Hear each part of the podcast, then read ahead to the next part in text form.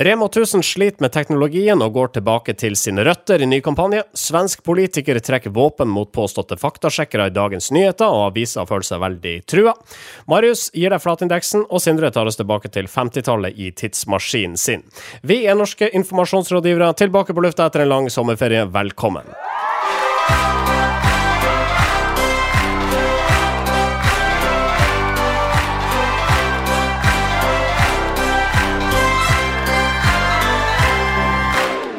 Mitt navn er Marius Staulen. Denne sendinga presenteres av medieovervåknings- og analyseselskapet Retriever.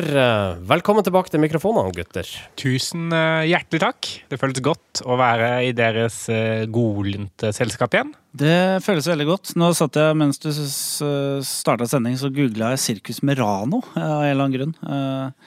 Eh, men det var fordi at uh, jingeren vår faktisk ligner veldig på sånn sirkusmusikk. Uh, og det var deilig. Og, og vår, høsten er jo sirkustid. Jeg føler hele livet ditt er en digresjon, Sindre. Livet er en uh, Livet er fullt av omveier, for å si det sånn. Har de Er det Fanta på sirkus fortsatt, eller er det en ting vi ikke gjør lenger? De har det i logoen sin, Sirkus Merano. en ja. lykkelig sådan. Uh, ja, Det er lykkelig elefant, for ja. den slipper å være på Sirkus Merano. Uh, ja. jeg, tror, jeg, tror, de har slutta med dyrehold i, uh, i Norge. Hva igjen da? Det er sånne turnere og veldig myke folk. Ja. Som også er turnere. Det er bare turnere igjen. Panto, klovn, pantomime av sånn skyggespill av dyr, antakeligvis. på vegg. Men da, da, da føler jeg det at teltet deres er unødvendig. Jeg skjønner at du ikke kan dra elefanter og aper inn i kulturhus rundt omkring i landet, um, og at du derfor trenger telt. Men hvis du bare har folk som driver og sjonglerer med fire eller flere baller, mm. så kan du gjøre det hvor som helst. Ja, Det er et veldig godt poeng. Jeg føler eh, teltdelen er en slags sånn relic når ja. det kommer til sirkusbransjen. Det, det hadde vært morsomt å ha lagd et liksom sånn fremtidssirkus, som talestyrte roboter og masse VR. sånn artige ting. VR. Ja. Ja, ja. vi stopper der. All right. Uh, I sendeplanen min så står det det at uh, du, Sindre, har fått ei push-melding fra Spock. Kan jeg arrestere deg litt? Uh, fordi jeg jobber i Skipstedt, og det er veldig viktig at man uttaler Spock riktig. Det er nemlig Spokk! For å snakke om det stikket her, så må man, må man være, ha litt avstand til mikken og rope, er det sånn? Ja. ja okay. ja greit. La meg prøve, da. Altså, du har fått ei push-melding, Sindre, fra Spock! Ja, det stemmer. Jeg har fått en push-melding fra Spakk! Og eh, de er jo veldig Den litt sånn artige fetteren til Finn, føler jeg. Uh, Finn er kanskje liksom blitt litt sånn ordentlig etablert sånn bruktmarked, men Spakk er da en litt skal være litt mer artig. Og jeg har hatt en lang sommerferie. Litt for lang og, og litt for dyr sommerferie. Som, jeg, som, gjør at jeg ikke er helt uh, Kanskje ikke helt der jeg bør være, sånn rent økonomisk, for å være helt ærlig. det hjelper jo ikke akkurat at du har gjort gründer av deg heller. Altså, du har forlatt det stabile jobblivet til fordel for uh, nyvinninger på app-fronten. Yes. Og det nytter ikke å være fattig gründer og leve uh, som om jeg er en rik dagligvaremagnat. sånn som jeg har gjort. Men nå drifter vi av, for du, altså, ja, du har altså fått en pushmelding ifra Spak! Det stemmer.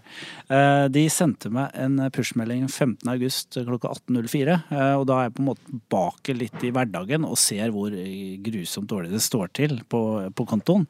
Så får jeg en pushmelding. Sindre. Tenk om Sindre bare hadde mer penger. Og litt sånn derre misfornøyd, uh, skeivt uh, grin som emoji. Ja.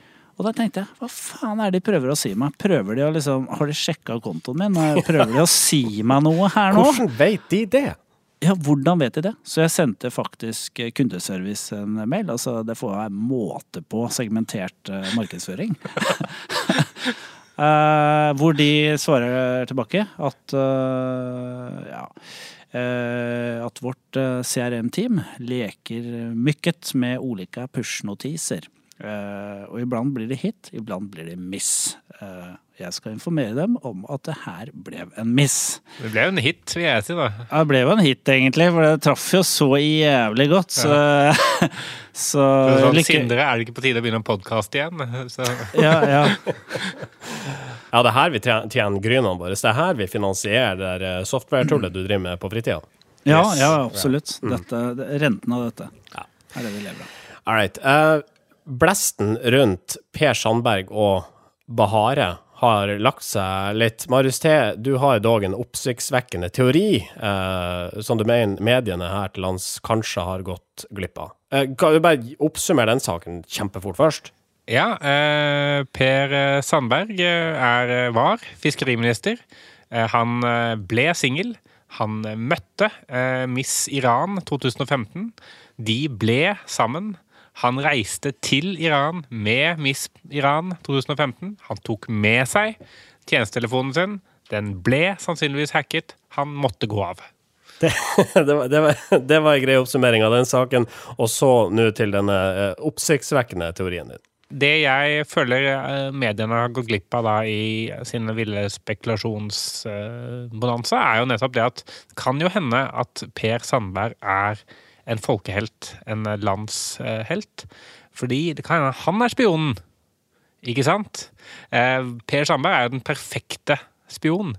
Han har lurt seg inn på Miss ja, Iran ja. og kontraspionert henne, som var spionen. Han ja. har fått tilgang til Irans ambassade. Mm. i Iran. Og sikkert mens de var der og feira nasjonaldagen eller frigjøringsdagen, eller hva det var for noe, så måtte sneike han seg vekk og sånn Jeg må bare på do. Og så mens han lot som han gikk på do, så gikk han egentlig inn på hovedkontoret til presidenten og hacka det. Mm. Eh, hadde med seg en sånn liten USB-mindisk, kanskje. Eh, eller USB-disk. Ja. Eh, satt den inn i PC-en. Load, down, download, download. Sender den tilbake igjen til Norge. Mm. Vi vet alt om Iran nå. Ja. Men han kommer til å bli en unsung hero, for kan jo, ingen kan jo selvfølgelig innrømme det. Fordi nå har vi en mann på innsiden. De hemmelige tjenestene vil aldri bekrefte den teorien. Så, så jeg, jeg, tror kanskje Per Sandberg har hoppa på sverdet for nasjonen, eh, og vi skylder han en ja. Eh, evig takk. Ja. Det, det, det, vil vi jo se utover, om, hvis vi ser antydninger til at vi kapitaliserer, norske staten kapitaliserer på den iranske staten. Ja. Selger mer fisk. Eh, klarer å, å, kanskje egentlig velte det prestestyret og få inn en norsk eh, statsminister i Iran. Da tror jeg faktisk eh, det der, den teorien stemmer. Ja, jeg er ganske sikker på det. Det er moderne Arne Treholt, på en måte, bare motsatt vei. Mm. Ville Per Sandberg blitt en bra statsminister i Iran? Det føler jeg også er et lite drøfta spørsmål. Det... Han elsker jo folket. Eh, det er masse flotte mennesker. Eh, det er eh, flott natur. Mye ja. flott natur. Har på, han har vært på strendene der. han har et pragmatisk forhold til tortur, holdt jeg på å si. Sånn, ja. Litt, litt er greit. Litt sharia. Ja. Litt dempa sharia. Det er greit. Ikke for mye nå. Ikke for mye. Nei. Alt med måte. Og et anstrengt forhold til mainstream media har han eh, også. Det har uh, nok pressestyret i Iran også. Det fins ikke mainstream media i Iran, så det er jo perfekt. perfekt, ja. OK. Uh, det var intropjattet, tror jeg. Jeg tror vi setter en strek der, og ønsker velkommen til denne episoden av Norske informasjonsrådgivere. Vi starter hos Rema 1000, som med æ-appen og den såkalte bestevenn-strategien har opplevd turbulente tider. Kundene har ikke vært happy, for å si det sånn. Så nå går de tilbake til gamle strategier. Rema har alltid vært god på TV-reklamer, bare tenk Doffen har daua. Try har laga en ny reklamefilm i samme stilen. Og vi skal høre et klipp fra denne her. Vi møter altså en mann som har et smart hus. Han kan bare prate huset, og så gjør huset uh, som han vil. Playing jazz. Playing jazz. Smoothie. Making smoothie. Calendar. No meetings today. Remember, tandleke at 9.30. Fire off. Fire off. Open door. Door open. Sånn. Så skal vi sette en til. Ah, ja. Open door. Wrong voice command. Open door. Wrong voice command. Open Open door. Repeat that. Hey, open door! Play on the floor. All right. Uh, det som skjer her, er at uh, mannen etter å ha vært hos tannlegen, ikke lenger klarer å gi ordre til huset. Så i stedet for å open the door der han står ute i regnet, så spiller huset on the floor. Ja, og eh, denne, denne filmen den er ikke nødvendigvis alle så fornøyd med. Fordi eh, Pål Nisja Wilhelmsen, eh, han er eh, forretningsutvikler eller annet sånt, innovasjonsdirektør er han vel i Nettavisen, eh, han har skrevet et innlegg på kampanje hvor han mener at denne filmen er ikke bare en film, dette er et signal fra Rema 1000 på at de nå forkaster alt av moderne teknologi og går tilbake igjen til det som alltid har funka, som er eh, reklamefilm eh, produsert av Try med folkelig tone, hvor en person med høy status eh, ender opp med å miste statusen sin, og helten er eh, hverdagsheltpersonen som alle kan kjenne seg igjen i. Ja, ikke sant? For det enkle er ofte det beste. Ja, det, det, og det får de da kritikk for, eh, merkelig nok. Altså, jeg syns jo det er jo ganske vågalt å gå ut og kritisere en kampanje som ikke egentlig nesten har starta engang. For man vet jo ikke hva slags arsenal av kanaler og kreative uttrykk som eh, kommer i kjølvannet av eh, filmen. For det som er vanlig taktikk for en reklamekampanje, som Nisja og Hans Petter Nygaard Hansen kanskje burde visst, det er at det er vanlig i nesten eh, for alle merkevarer som har litt store budsjetter, å begynne en kampanje med en film som skaper oppmerksomhet. Eh, Det er det første liksom, leddet i en reklamekampanje. Rema går jo tilbake til TV-formatet her, og han påpekte at det blir stadig færre TV-seere, eh, noe han selvfølgelig har helt rett i. Han viser sjøl til en artikkel i Dagsavisen der det rapporteres om et seerfall blant unge TV-tittere på 40% bare det siste året. Men, men eh, det, er- to ting. Da. Det, første er jo det at eh, det er ikke nødvendigvis eh, i målgruppen til Rema 1000 at TV-fallet har vært størst. Så det kan, det kan hende at de fortsatt finner verdi på TV. Det, det regner jeg litt med kanskje at, at de faktisk kan gjøre, selv om de når mindre folk nå enn de ville gjort før. Eh, Når det er sagt, så betyr ikke det at TV-reklame enda har kommet dit at det ikke fungerer. Spesielt ikke hvis målgruppen din er eh, hele Norge, da, mer eller mindre. Og kanskje spesielt at de som bruker mest penger på dagligvare, som ikke er de yngste seerne. Sånn sett tror jeg man kan forsvare å, bruke eh, penger på TV-reklamefilm fortsatt. Jeg føler det, det som de kanskje kritiserer litt, er, er jo mer det at det virker som om den største andelen av denne kampanjen sånn produksjonsmessig, pengemessig, ligger i å lage en film som skal optimaliseres for TV. Det ser man liksom på lengden på filmen, kanskje. At den er jo eh, 60 sekunder pluss, som er et vanskelig format å få til å fungere f.eks. På, på Facebook eller, eller YouTube, med mindre den er veldig morsom. da, sånn som Den her er jo ganske bra, selv om at anslaget er ganske langt. Sånn gjør at det kan være vanskelig kanskje for folk å faktisk komme til, til poenget. Eh, men, men det at altså, tematikken i filmen også er jo det at liksom, Rema 1000 eh, de, eh, de gjør da litt narr av all denne moderne teknologien da, som folk bruker.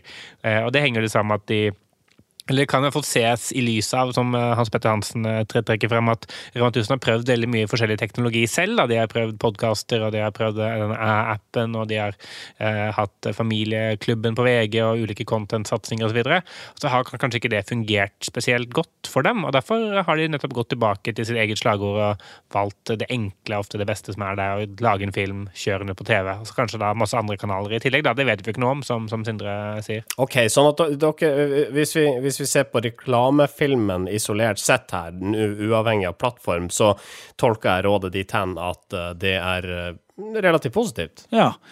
Og så tenker jeg at eh, den som jeg savner i den debatten For den debatten om liksom, kritikken av at store annonsører fortsatt lager reklame for TV, den, eh, den kommer jo hver, veldig ofte eh, når store annonsører er ute med en ny kampanje. Jeg savner eh, TV-ekspertene. De, eh, de som sitter i mediebyråene og kjøper TV. For hvorfor anbefaler du anbefaler de annonsørene sine å, å bruke TV Ja. som en bredde øh, Ja, som et breddemedium, da.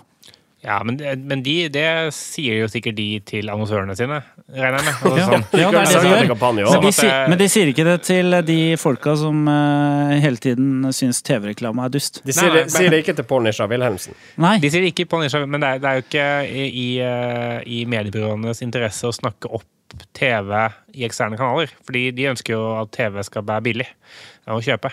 Eh, så, liksom, eh, så, så i et sånn bransjekanal, hvis Karat går rundt og sier sånn TV er sykt bra, vi elsker TV, så da er TV sånn hm, Karat er betalingsvillig, tydeligvis.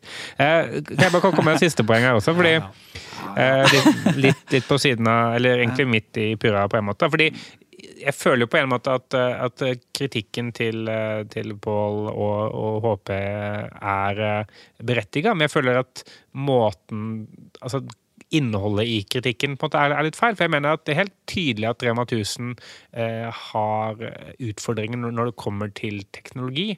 Men det de kanskje har den største utfordringen på, sånn samme sammenligna med eh, Amazon blir trukket frem av, av nisja, eh, sammenlignet med Norgesgruppen, eh, Coop osv., er at de har jo ikke eh, kundedata. Altså, Rema 1000 eh, de mangler et fordelsprogram da, som gjør at de faktisk får samla kundedata. Nå har Denne appen har jo typ 1 million nedlastinger, eller noe sånt, og da folk må legge inn kredittkortene sine der for å bruke den. Mm. Så hvis folk har gjort det, så er jo det en start, men det er fortsatt et hav av eh, et hav opp til, til eh, Trumf, eksempel, og til eh, Coop sin kundeklubb. Ja. Og nettopp der er det jo vanskelig for dem å lage spissa tilbud og få se handlemønstre og sånn over tid hos enkeltgrupper. Og spesielt nå etter at eh, da GDPR har slått inn for fullt, og det blir vanskeligere og vanskeligere å samle data.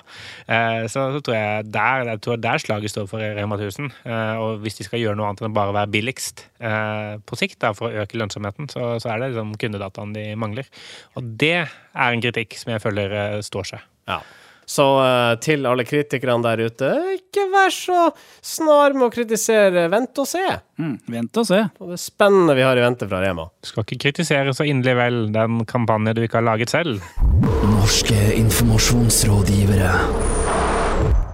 Det nærmer seg valg i Sverige, og innvandring står naturlig nok øverst på agendaen eh, hos våre naboer i øst. Derfor har en eh, innvandringsprognose fra Migrasjonsverket fått stor oppmerksomhet. Moderatana-politiker Hanif Bali ytra på Twitter nylig at asylinnvandringa fram mot 2021 vil være helt abnormt høy. Noe Dagens Nyheter i en slags faktasjekk konkluderte med at var helt feil. Barley erklærte derfor krig mot avisa, annet ved å publisere et photoshoppa bilde av seg sjøl med våpen i hånd på Instagram. Og slikt blir det naturligvis bråka. Ja, eh, eh, hva skal jeg si? Forholdet mellom eh, politikere og mediene sånn jevnt over er jo litt sånn betent om dagen. Eh, det, er jo, det er jo lite som skal til før, eh, før det renner over på den ene og på den andre siden. Og her, og her kan man jo si at det har eh, run, rennet, rønt, rent over, uansett hva det er i fortid. Eh, han, Hanif Bali han er jo en litt sånn kontroversiell eh, politiker, i hvert fall eh, mye omtalt politiker i, i Sverige. og han, eh, han er jo liksom eh, slått seg opp med å ha tydelige meninger om eh, innvandring. Kanskje litt eh, til høyre for eh, Moderaterna også, prøve å dra dem mot eh, høyre. Eh, Men eh, her har han også da vært veldig misfornøyd med den faktasjekken fra, fra DN, eh, Dagens Nyheter, og, har lagd et sånn Call of Duty eh, call, eh, cover. Call of Duty er et sånn krigsspill til eh, PlayStation og PC osv. Hvor han da han har klippet inn hodet sitt på en sånn eh, Call of Duty-figur. Hvor han holder to pistoler i hendene og har to maskingevær på ryggen. Og det står Call of Duty, Hanif and DN at war. Ja. Og så står det under 'abnormt bra spill'. Fantastisk riktig spennende. Men jeg har en sånn følelse at man blir vel for, Nå skal det sies, uh, Hanif Bali uh, publiserte også et annet bilde uh, der han står med en AR-15 eh, på en skytebane i, i bunkeren til ei skole, tror jeg. Og det ble da selvsagt drakt paralleller til amerikanske skoleskytinger. Så det er de to bildene. Men likevel, altså Det virker litt sånn sutrete, syns jeg, ifra media å respondere så hardt på dette. Er det så farlig? Nei, det er for det er det som er, i og med at det måtte bli satt inn i en sånn kontekst av et uh, spill. Eh, hvis han bare hadde funnet et våpen og stått og mm, posert med sitt eget våpen og sagt liksom nå er det krig mot en, da hadde jo jeg blitt litt bekymra i den relasjonen. Men i og med at han liksom Eller det er ikke han som har lagd det selv engang, noen har klippet inn hodet hans da på et uh, dataspillcover, så er det jo Det ser jo ikke bra redigert ut engang, og, og det er jo ikke Det er vel ingen som har tro... Altså, det har vel aldri vært meninga at dette her skal se ut som det var ekte. Nei, nei, det har ikke vært meninga. Men, men samtidig så er det jo eh, Hva skal jeg si Det er jo i en hvilken som helst annen kontekst enn politikermedia, eh, så hadde jo dette ikke Jeg forstår jo at det ikke er greit. måte. Jeg forstår jo at eh, rommet for tolkning av hva det bildet kan bety, er jo ganske vidt. Eh, fordi, eh, fordi man ikke, altså Når man legger ut noe uten, uten noen form for kontekst, så, så kan det jo være at man i en avisredaksjon, eller som barn av en person som jobber i en avisredaksjon, blir bekymra. Og det som folkevalgt eh, politiker eh, mener jo jeg at man også bør være klar over.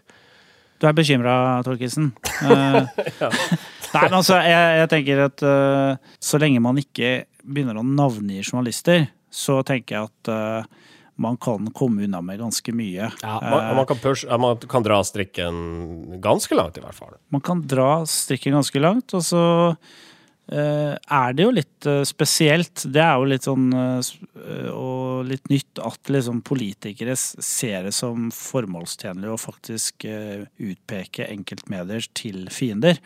Eh, og det er jo selvfølgelig en belastning og et, en utfordring for mediene. Så sånn, sånn sett så tenker jeg liksom vi er inne i en veldig rar eh, periode nå, som jeg håper snart blir slutt.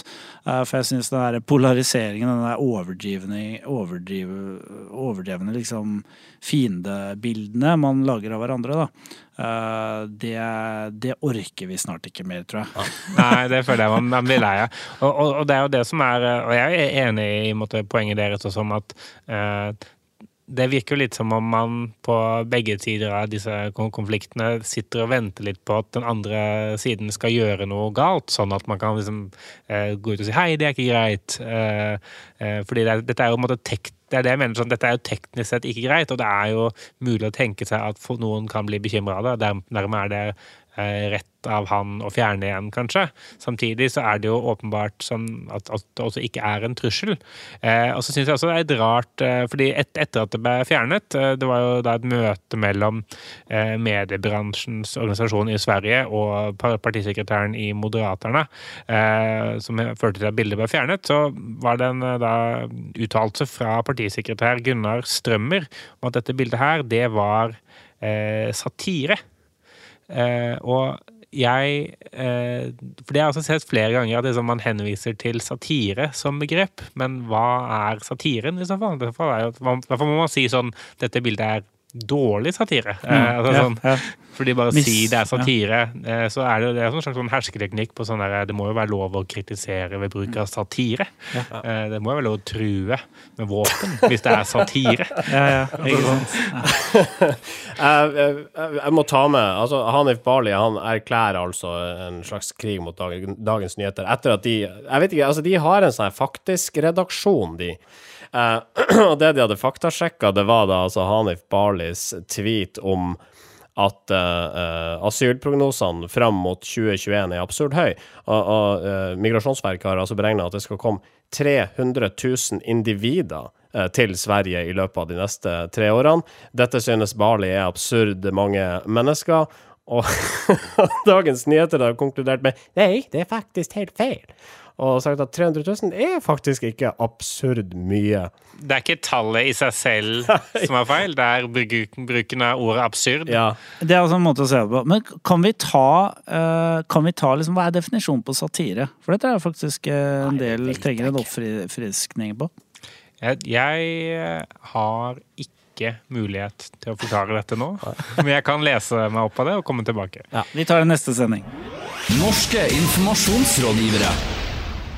Vi skal snakke om en spennende nyvinning i meglerbransjen. Det er Finansavisen som på papir forteller historier om meglerselskapet Skala og Partners, som har et kontor på attraktive Oslo vest.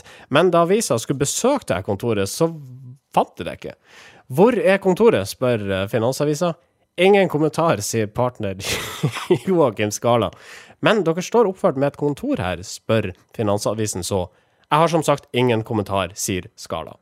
Eh, Så partnersjef Robert Fauske må da ut og fortelle at det dreier seg om et virtuelt meglerkontor.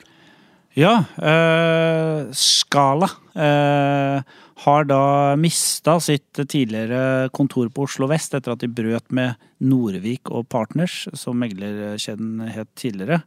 Eh, ja, dette er forvirrende for meg, så Ja, jeg skal ikke gå mer er inn på det. partnere. Og, Eh, Men det er tydeligvis viktig å ha den her veldig lokale forankringen, da. Eh, Som de da fortsetter å ha, eh, men virtuelt. Eh, altså som en, et fantasikontor har da Skala og Partners etablert på Oslo vest i Thomas Heftigs gate, som jeg tror er den dyreste gata i Oslo. Det er der den britiske ambassaden blant annet ligger. Og det tenker jeg er jo ganske interessant utvikling, hvis man kan lage sånne virtuelle kontorer. Kanskje man kan lage virtuelle hjem. Eh, Men- og kan- bo kan der man eh, ønsker å bo. Kan noen forklare meg hva, hva Altså, Er det at de har kjøpt en postboks, på en måte? Eller er det eller har de bare funnet opp en adresse? De har, eh, de har laget en adresse på nett.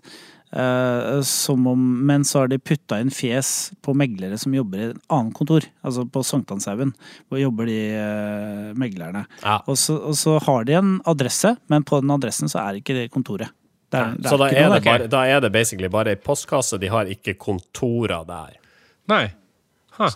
Så virtuelt kontor er kanskje å sminke grisen. Ja, for det er en postkasse. Eh, Men, men er det da Fordi hvis det hadde vært et virtuelt landskap, du kunne liksom eh, Du kunne logga på skala thomasheftigsgate.no, gått inn og kikka litt rundt eh, på de eh, okergule kontormøblene, gått litt inn i det møterommet med glassvegger. Kanskje kunne du ha på deg VR-briller mens du gjorde dette her. Ja, på deg VR-briller. Møtt, en, eh, møtt en sånn der binders-aktig greie som kunne hjelpe. Hei, du ser ut som du trenger hjelp med boligkjøp. Vi i Skala Partners kan hjelpe deg. Men det er altså ingen av de her tingene. Nei.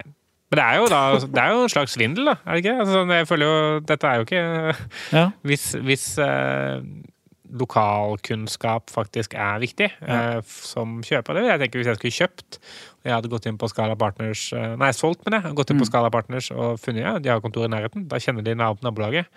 Eh, da ville jeg, jeg ville jo følt meg litt uh, svindla hvis jeg fant ut hva, Ja. at eh, det ikke stemte. Men det kan jo hende at de folkene som da eh, viser seg da å jobbe på Oslo øst, at de er i Thomas Heftiges gate veldig ofte.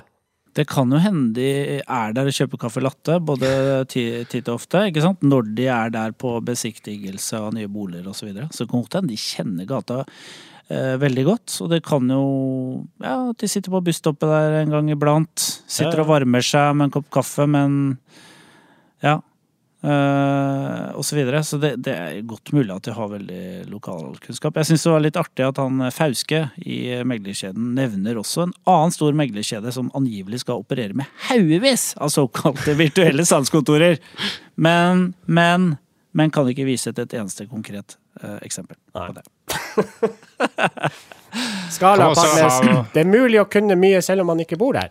Det er det, og jeg syns meglerne skal ha for å stå på og finne på nye kreative måter å lure kundene sine på. Det er du som utrydda den begalske tigeren, altså. Brukte du alle kommunens penger på PR-byrå? Flyttet du makt i favør av andre enn dine oppdragsgivere? Sendte du hatmail til innvandrere mens du satt i regjering? regjering? Dette skal ikke skje i forhold til det, så legger jeg meg flat. Det var ikke meningen at du skulle finne ut det. Jeg legger meg flat. Nå ble det veldig mye negativ presse. Jeg legger meg flat. Jeg tar dette til etterretning og legger meg paddeflat. Jeg legger meg flat. Flatindeksen. Ja, det her er ei spalte der vi tar for oss eh, noe som er en slags verkebyll eh, for oss, nemlig folk eh, og virksomheter som driver og legger seg flat, rett og slett for å unngå kritikk. Det er en stund siden vi har vært på Løfta, Marius, og vi forventer naturlig nok veldig mange flatlegginger i tida som har vært. Men på den annen side så har det vært sommer. Det har vært sommer, det har vært agurktid også for flatlegging, men det har vært altså så Altså, det har vært tre måneder for meg å gå gjennom, mer eller mindre. Da. For jeg måtte jo ta godt ut i august også. Så jeg måtte gi opp å telle, for det tok så lang tid. Oh, det, altså. Sier du det? Eh, men men det, var, det var masse haugevis eh, hver eneste måned. Jeg tror jeg kom til liksom midt i juli. Da var jeg på sånn 45 eller noe sånt eh, fra starten av juli. Eh, så her er det mye å ta av. Så jeg, jeg, jeg, Du har rett og slett ikke talt oss nå. jeg har, ikke, har ikke noe tall, bare at det er abnormt absurd mye eh, flatlegging. For mange flatlegginger for vår Ja, for mye. Eh, Men eh, det har også ført til at eh, vanligvis pleier jeg å plukke ut eh, tre saker, Ja. eh, topp tre, og så greie ut i det lange og det vide og det breie om eh, disse sakene. Nå må vi ta en slags sånn lynrunde, så nå tror jeg jeg har seks eh, saker Wow. vi skal gå hurtig og effektivt gjennom. Ja, for det blir ikke plass til det vide og det brede her. Nei, det blir ikke utgreiing i vide og breie, men det blir, det blir poengtert. Det blir det motsatte av det dette her pleier å være. Du får klokk dette her, Sindre. La oss se. Hvor fort klarer du å gjøre rede for en eh, sak, Marius? Vi begynner med jeg vet ikke, nummer seks, da. Nummer seks er Aske kommune. Aske kommune de legger seg flat etter at flaggstangen sto naken og tom på askerbøring Mette-Marits bursdag eh, søndag eh, da før denne saken ble skrevet. Kronprinsessen fylte 45 år, men flagget var altså ikke heist på Asker rådhus. Tuss Benum, det er tullenavn, direktør for strategi og samfunn i Aske kommune, beklager dette, men forsikrer at kommunen har gode rutiner for flagging, men ikke gode nok. Og jeg synes det er også morsomt at det er da direktør for strategi og samfunn som må ha ansvar for å svare på dette. Ja. For egentlig så er det flaggheiseren som bør svare med, på kritiske spørsmål rundt eh, flaggtradisjonene. Med mindre det er en strategisk beslutning å ikke heise flagget. Det kan det selvfølgelig være. Er, er Mette-Marits bursdag en eh, slags offentlig eh, flaggdag? Eh, Om så bare der hun kommer fra? Ja, det er, litt- det er, sånn det er litt mye å kreve kanskje at Asker også skal gjøre det, bare fordi hun bor der. Det er sant, det. Nummer fem. Nummer fem, Fredrikstad skiklubb. Svein Jacobsen, han er 60 år. Han tok VM VM-bronse i presisjonsorientering både i fjor og i år. Men da Fredrikstad skiklubb denne uken eh, inviterte media og klubbens medlemmer til fest på skihytta for å hylle helter og medaljører, ble Svein glemt. Og Anders Krosby, som ifølge denne artikkelen er helfersk formann i Fredrikstad skiklubb, han sier her ble vi nærmest tatt på sengen. Jeg kan intet annet gjøre enn å beklage på det sterkeste. Dette må vi straks rydde opp i, og vi legger oss flat. Det er jo litt seint, da. Nå har de er allerede hatt den feiringa. Det er altfor sent. Det hjelper jo ikke Svein Jacobsen Nei. spesielt mye. Nei. OK. Nummer fire. Bærum ungdomsskole. En elev ved Bærum ungdomsskole han har avfotografert en liste fra lærernes arbeidsrom. og Denne listen den listet opp mobbere og mobbeofre. Listen ble senere spredt på nettet. Dette er da altså ikke-anonymisert eh, informasjon innhentet fra en skoleundersøkelse kalt Klassetrivsel. og det Den bare lå slang rundt på eh, lærerværelset, og nå er tilgjengelig for alle i, på skolen, så de vet selv da om de er mobbere eller mobbeofre. Det beklager selvfølgelig ungdomsskolerektoren eh, på Bærum eh, ungdomsskole til, eh, til Budstikka, samt Katarina Nes, som har ansvar for rutiner når det kommer til IT-sikkerhet i kommunen. Elever, da, elever får da ikke lov til å komme inn på lærerværelset? Nei, det både burde vært låst lærerværelse, og man burde kanskje ikke bare printe ut et ark hvor det står 'mobber', 'mobbeoffer' rundt omkring, og distribuere det. Det kunne vært kodeord. Ja, det kunne sagt det. Ja, eh, Appelsin, eh, ananas, for eksempel. Ja. Kommer man til hvem som er hvem? OK, Jeg føler an- Ananas er en mer mobbete frukt enn appelsin. Ah, Den har så harde kanter. det er jeg helt enig med deg i. Jeg jeg er. OK, vi er oppe på pallen. En tredje eh, plass her. Tredjeplass er Grenland havn. Fordi Grenland havn de måtte legge seg flate etter at de dro ut og eh, fjernet ulovlige bøyer i et sund utenfor eh, Grenland. Problemet var at de rykket ut eh, over kommunegrensa.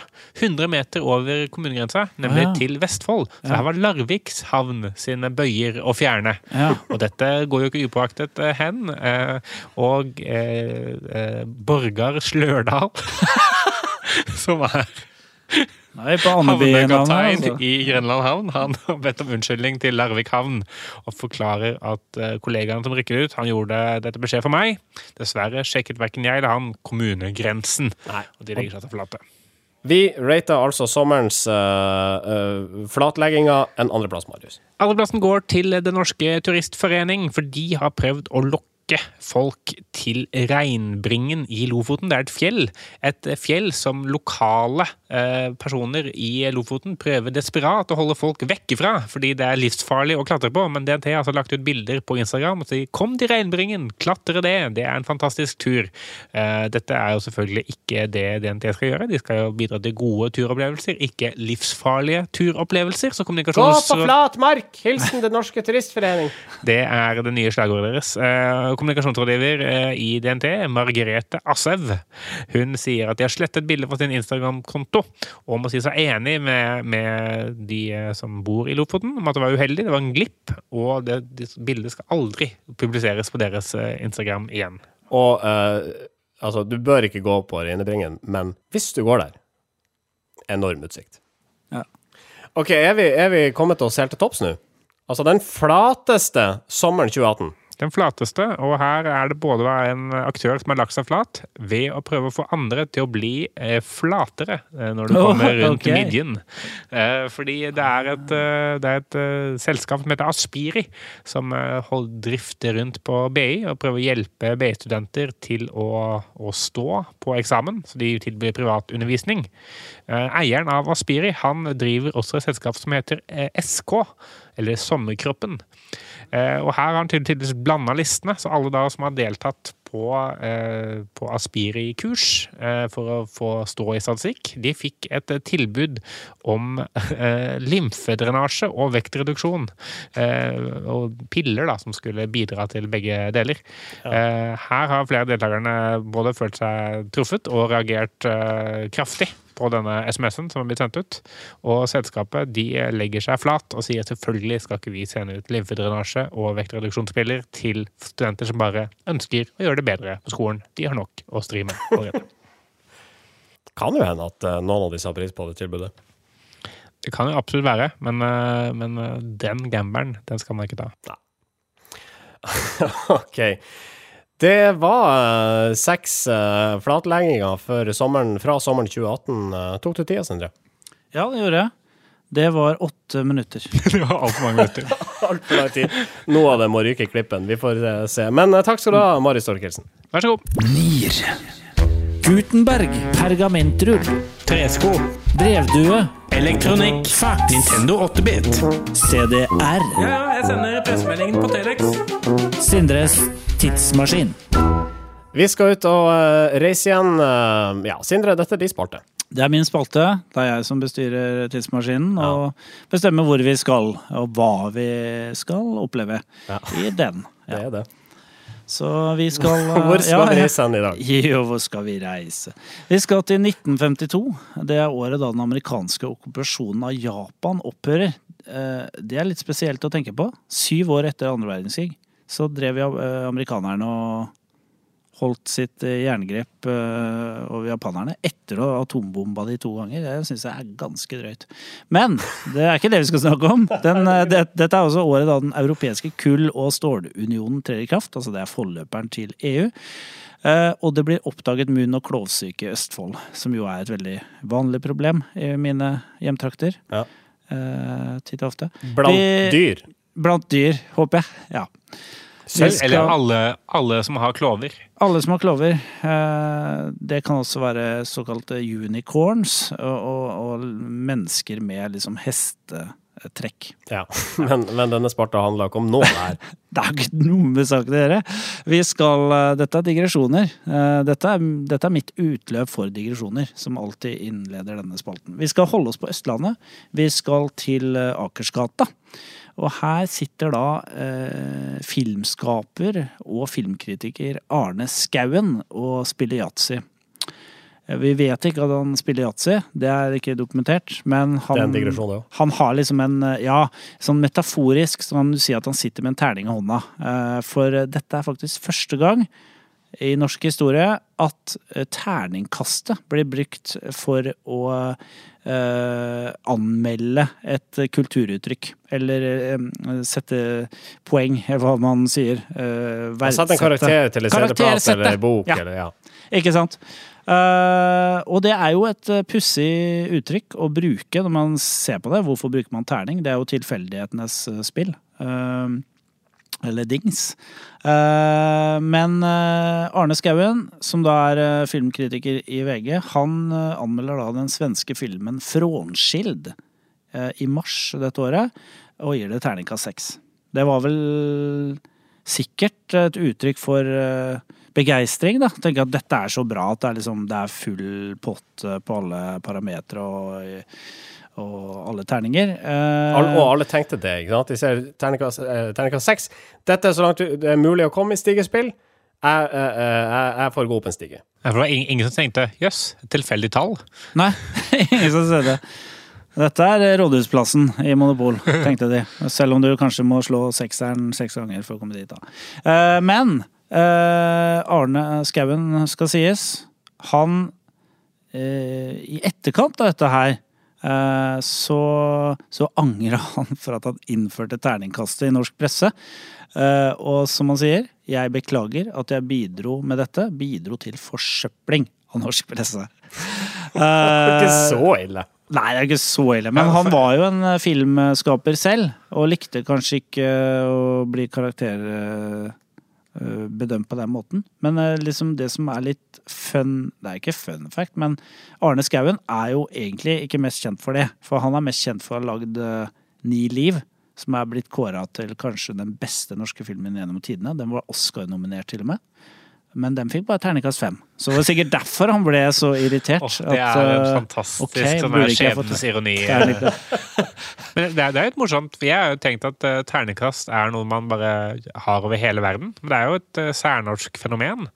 Ja, det er det. Ja. Man gjør Ja. jo ikke det sånn i Sverige, så gir man bier eller annet sånt. De har gjerne sine egne ratingsystemer, de forskjellige outletsene. For eksempel Rolling Stones har stjerner, og der går skalaen fra 1 til 5. Ja, ikke sant? Men her her har vi bare blitt enige om et universell ratingsystem på tvers av mediene. Og det syns jeg er ganske flott, da. Ja. Ja, ja. Det, det, det hadde vært litt morsommere, og kanskje litt mer, men kanskje litt vanskelig å forstå, hvis de hadde brukt en Rubiks kube. Ja, eller, eller, brukt monopol. Bare sånn eh, Nyeste skiva til Radio Rockers er Kirkeveien. Det, er noe bra, men eh, det blir for billig. Det, Nei, det er vri Ja, åtter til DumDum Boys, gitt. All right. Eh, nei, men fascinerende der. Eh, 1952 var altså året terningkastet ble rulla inn i eh, norske mediehus, og eh, de eksisterer i aller høyeste grad fortsatt. Skal vi dra tilbake til vår egen eh, samtid? La oss gjøre det. Norske informasjonsrådgivere. Helt på tuppen her så vil jeg ta med at vi tidligere denne uka uh, vi kunne lese den triste nyheten i flere aviser at uh, artist Mart Hansen gir seg. Ja, det er jo uh, nettopp begynt, har den ikke? Ja, nettopp begynt, men samtidig så, så har han gitt oss veldig mye, da. Eh, Så jeg fortalte Sindre før, eh, før sendinga at jeg har lært i sommer at kritikk er mobbing. Eh, og og, og det, det har jeg tatt til meg, så jeg slutta å kritisere. Eller nå mobber jeg bare. Ja. Nei, men han har jo virkelig han er jo en smart fyr, åpenbart, for det. Han, han er jo intelligent. Jeg føler at dette er litt med vilje. At han har klart å få til det han har fått til. Eh, både å dominere mediebildet fullstendig eh, gjennom en hel sommer, og sosiale medier og alt. Og selv om han er en gammel mann som ikke egentlig bør være hipp eh, blant kidsa, så er han hipp eh, blant eh, kidsa, og, og lykkes eh, så godt som noen med å få oppmerksomhet. Han er veldig hipp blant kids eh, som ikke inngår i fanskaren til noen uh, bloggere som uh, Mats Hansen har krangla med, og dette har visstnok pågått gjennom sommeren. Ja, jeg tenker på Michelle uh, og de andre barna til mammaen til Michelle. De er ikke fan av Mats Hansen. Eh, ellers så tror jeg de aller fleste er det, ja. Men hvis de, når de kom, kommer inn i en sånn trassalder, sånn eh, gjør opprør mot foreldre-fase, Ja. da kommer sikkert uh, Michelle til å spille sommerkroppen mye Ja, det tror jeg helt i sikkert. mammaen til Michelle skal hjem. Ja. helt sikkert. Eh, det finnes et produksjonsbyrå som blant annet lager TV-greier, som heter Nexico. Uh, det har det ikke alltid hett, for nylig skifta de navn fra hva? Mexico. Og hva er årsaken til det eh, marginale navnebyttet? Donald Trump og små budsjetter, ifølge daglig leder Henrik Harbo, som har blitt intervjua av kampanjen.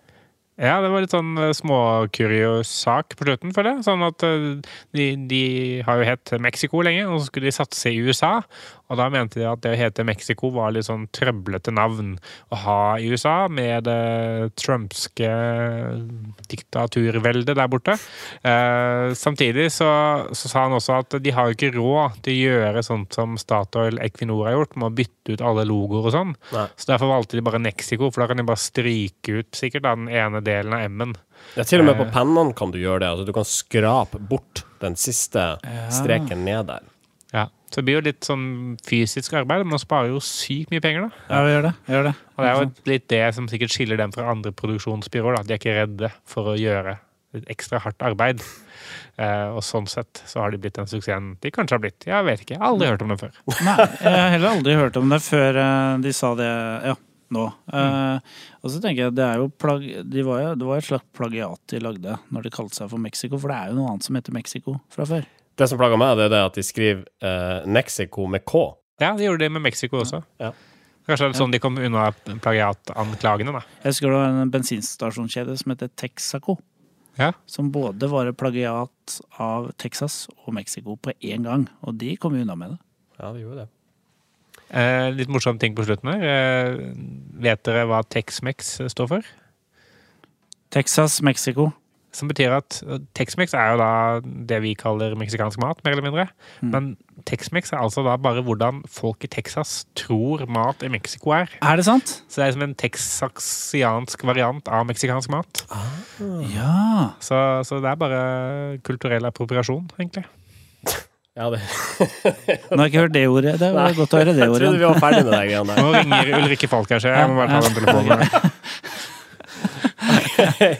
Eh, norske informasjonsrådgivere spilles inn i studioene til Moderne Media, et av landets største og beste produksjonshus for eh, det vi driver med, nemlig podkasting. Eh, Vi sier tusen takk til dem. Takk også til Kreativt Forum, kreativforum.no, eh, som distribuerer denne podkasten. Vi er vel tilbake igjen. Altså, nå er vi ferdig med sommerferien, og da skal vi være tilbake neste uke. Vi skal det. Vi skal være tilbake neste uke. Vi skal det. Vi skal vi være tilbake neste uke. vi skal skal- være. det Vi skal vi skal være. Ja, det skal vi. Da høres vi igjen om ei uke, og fram til da Ha det bra! Norske informasjonsrådgivere.